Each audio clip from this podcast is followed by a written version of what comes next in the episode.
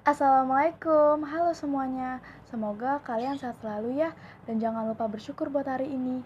Oh iya, sebelumnya aku mengingetin nih buat kalian yang sering keluar rumah atau beraktivitas di luar rumah, jangan lupa pakai masker ya, rajin cuci tangan juga.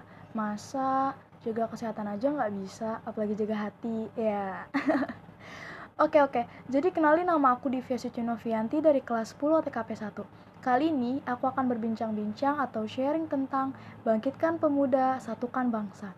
Sebelum dimulai, aku mengingetin dulu nih sama kalian bahwa tepat pada Hari Sumpah Pemuda 92 tahun yang lalu, pemuda-pemudi Indonesia menyatakan untuk menjaga keutuhan Negara Kesatuan Republik Indonesia atau yang bisa disingkat dengan NKRI. Sampai terciptalah tiga kalimat yang menggetarkan jiwa. Itulah tiga kalimat yang menggetarkan jiwa.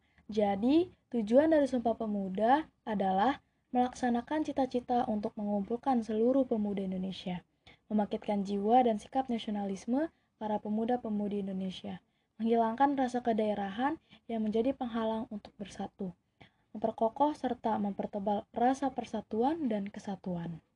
Makna dari Sumpah Pemuda itu sendiri adalah bersatunya para pemuda yang bermacam-macam, yang terdiri dari suku, agama, ras, dan budaya. Maka dari itu, kita dituntut untuk saling menghargai dan menjaga persatuan dan kesatuan bangsa Indonesia.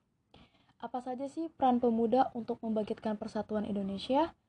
Nah, yang pastinya kita harus memiliki sifat toleransi akan sesama. Pemuda harus bahu-membahu saling membantu satu sama lain untuk menjaga persatuan Indonesia. Maka dari itu, pemuda mempunyai peran penting untuk persatuan bangsa, karena pemuda merupakan agen perubahan, baik atau buruknya bangsa Indonesia, itu tergantung pada generasi penerusnya. Maka, jadilah pemuda-pemudi yang berguna untuk diri sendiri, keluarga, orang lain, dan untuk bangsa Indonesia. Oke, pergi ke kampung jalan terbelah, pohon terjatuh, awas menimpa. Jika ada salah kata, maafkanlah. Wassalamualaikum dan sampai jumpa.